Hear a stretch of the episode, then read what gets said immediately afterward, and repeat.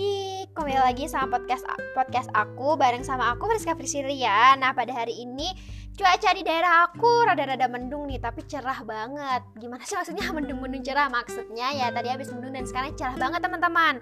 Nah pada pagi yang cerah ini bareng sama Friska kita akan ngebahas sesuatu yang asik banget. Apa sih sebenarnya tentang bisnis teman-teman? Nah kenapa sih? Kenapa sih Friska ngajak teman-teman buat ngajak cerita atau ngajak sharing tentang bisnis. Nah, karena teman-teman di masa pandemi ini kita tahu lah ya, ada beberapa toko atau beberapa usaha yang tutup atau gulung tikar karena menghadapi masalah pandemi ini teman-teman. Nah, pada hari ini Friska pengen banget ngasih tahu tips buat teman-teman biar usaha yang teman-teman sedang lakukan dapat berjalan dengan baik atau bahkan lebih baik setelah dapat info dari Friska pada hari ini. Nah, hari ini Friska sendirian aja sih, tapi it's okay walaupun sendirian. Friska tahu teman-teman pasti ngedengerinnya dengan penuh excited gitu, ya kan? nah, sa saat ini Friska ingin ngebahas tentang value of the market plan, identify the market competition, and database teman-teman. Nah, kenapa sih Friska pengen ngebahas itu? Karena menurut Friska, yang udah pernah menjalani bisnis atau sekarang juga sedang menjalani bisnis, Tiga poin ini tuh benar-benar kita harus pahami teman-teman. Kenapa? Karena dengan kita pahami poin-poin yang kita sebutin tadi, dengan nggak langsung kita bisa menguasai apa yang menjadi bisnis kita teman-teman. Nah, hmm, langsung aja deh. Masuk ke pembahasan yang pertama, the value of the market plan, bidang pasar teman-teman. Nah, kenapa sih pertama kita ngebahas tentang bidang pasar? Karena menurut Priska, bidang pasar itu salah satu strategi yang perlu kita tahu untuk memperluas usaha kita, teman-teman. Bidang pasar maksudnya ketika kita tahu nih, kita paham, kita ngerti usaha apa yang kita lakuin, kita juga harus mengerti bidang pasar, teman-teman. Seperti kayak misal kita ngejual kita ngejual fashion nih kayak kosmetik, skincare dan lain-lain teman-teman. Kita juga harus tahu nih persaingan pasar yang sedang kita hadepin sekarang itu kayak gimana gitu. Sebagai seorang pembisnis, kita harus pintar-pintar mengolah dan mengotak-ngatik bisnis kita. Maksudnya gimana? Kita harus mempunyai inovasi-inovasi baru yang kita lakukan untuk memperlancar bisnisnya kita. Gimana maksudnya? Nah, ketika kita udah tahu atau kita udah memahami nih gimana sih bidang pasar yang harus kita jalani ya udah teman-teman. Pertama kita harus bikin strateginya dulu. Strategi pemasarannya cara menarik pelanggannya dan cara memperluas bisnis kita. Yang pertama strategi pemasaran tadi teman-teman. Strateginya gimana? Ya teman-teman sendiri yang tahu karena strategi itu adalah kayak kunci dapurnya teman-teman gitu kalau misal teman-teman punya strategi penjualan, yakin deh Friska yakin banget penjualan teman-teman tuh pasti akan lancar-lancar aja walaupun sebagai pembisnis bukan hal yang biasa atau bukan hal yang aneh ketika kita mengalami naik turunnya proses. Sebagai pembisnis adalah ya di kalanya sedang rame banget dan kalanya sepi banget. It's okay, it's fine karena semua pembisnis pasti mengalami itu. Nah, strategi tadi yang tahu ya teman-teman.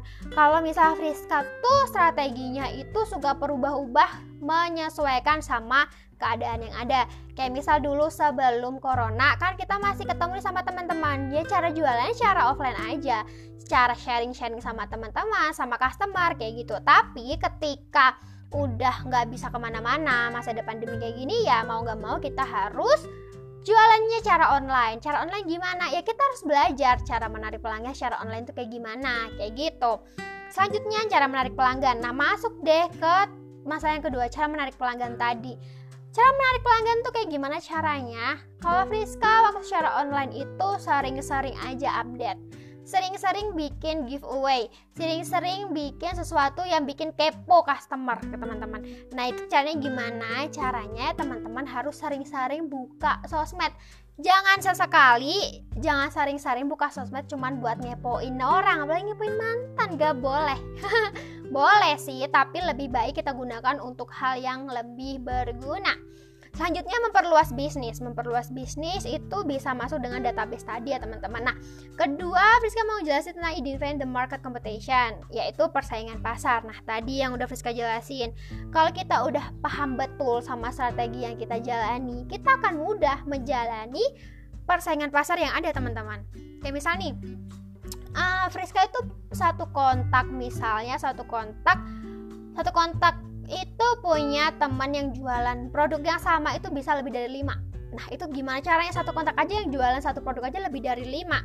Itu namanya persaingan pasar kan? Caranya gimana? Orang itu atau customer itu bisa beli sama kita atau tertarik sama produk kita Kalau kita sering upload dan sering bikin mereka kepo. Jangan sering upload tapi membosankan kayak cuman gambar-gambar doang. Itu bikin bosan loh bikin bosan customer teman-teman. Nah gimana caranya? Gimana teman-teman tuh harus bikin customernya itu tuh Ih, ini apa sih? Kepo deh. Ini apa sih kepo deh? Nah kayak gitu teman-teman. Gitu. Itu bisa meminimalisir persaingan pasar sama orang-orang di sekeliling kita. Selanjutnya yaitu database. Database itu bisa disebut sebagai kontak customer yang ada di HP kita.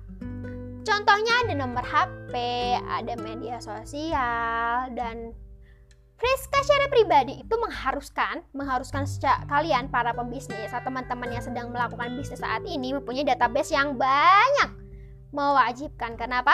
Karena database itu adalah satu hal yang sangat penting. Kayak for example kayak misal teman-teman punya database 100 teman-teman jualan ke orang-orang itu aja. Yang gak laku-laku lah yang gak luas-luas lah bisnis teman-teman.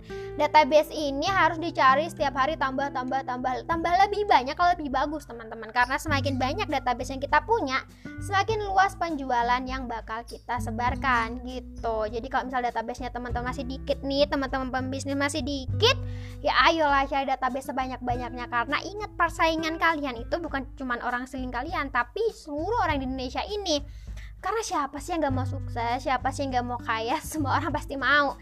Dan siapa yang mendapatkannya? Siapa yang mendapatkannya? Yaitu mereka yang mau berusaha. Ada sih pepatah yang bilang kalau mau kaya ya kerjalah di saat orang lain tidur minumlah di saat orang lain makan, larilah di saat orang lain sedang jalan kaki. Nah, maksudnya ketika orang lain sedang berleha-leha menghabiskan waktu dan percuma, ya kita sebagai orang yang pengen sukses ya harus mengorbankan waktu. Kayak misalnya Friska sendiri ini sering mengorbankan waktu main untuk membangun bisnis, sering nggak nongkrong, ya nggak peduli. Yang penting Friska bisa menata masa depan lebih baik gitu teman-teman. Nah itu juga bisa dipakai buat teman-teman kayak gitu. Jadi kalau mau bisnisnya maju, ya harus belajar berkorban gitu. Tapi ingat, usaha semaksimal apa pun harus tetap berdoa dan bersyukur. Friska itu punya tiga tiga moto ketika Friska menjalankan bisnis. Yang pertama tetap berdoa, berusaha dan bersyukur teman-teman kalau kita berdoa semua apa yang kita lakukan itu pasti berjalan sesuai dengan kehendak Tuhan. Yang kedua ketika kita mau berusaha percuma kita berdoa 24 jam tapi nggak berusaha ya nggak mungkin uang jatuh dari langit ya kan?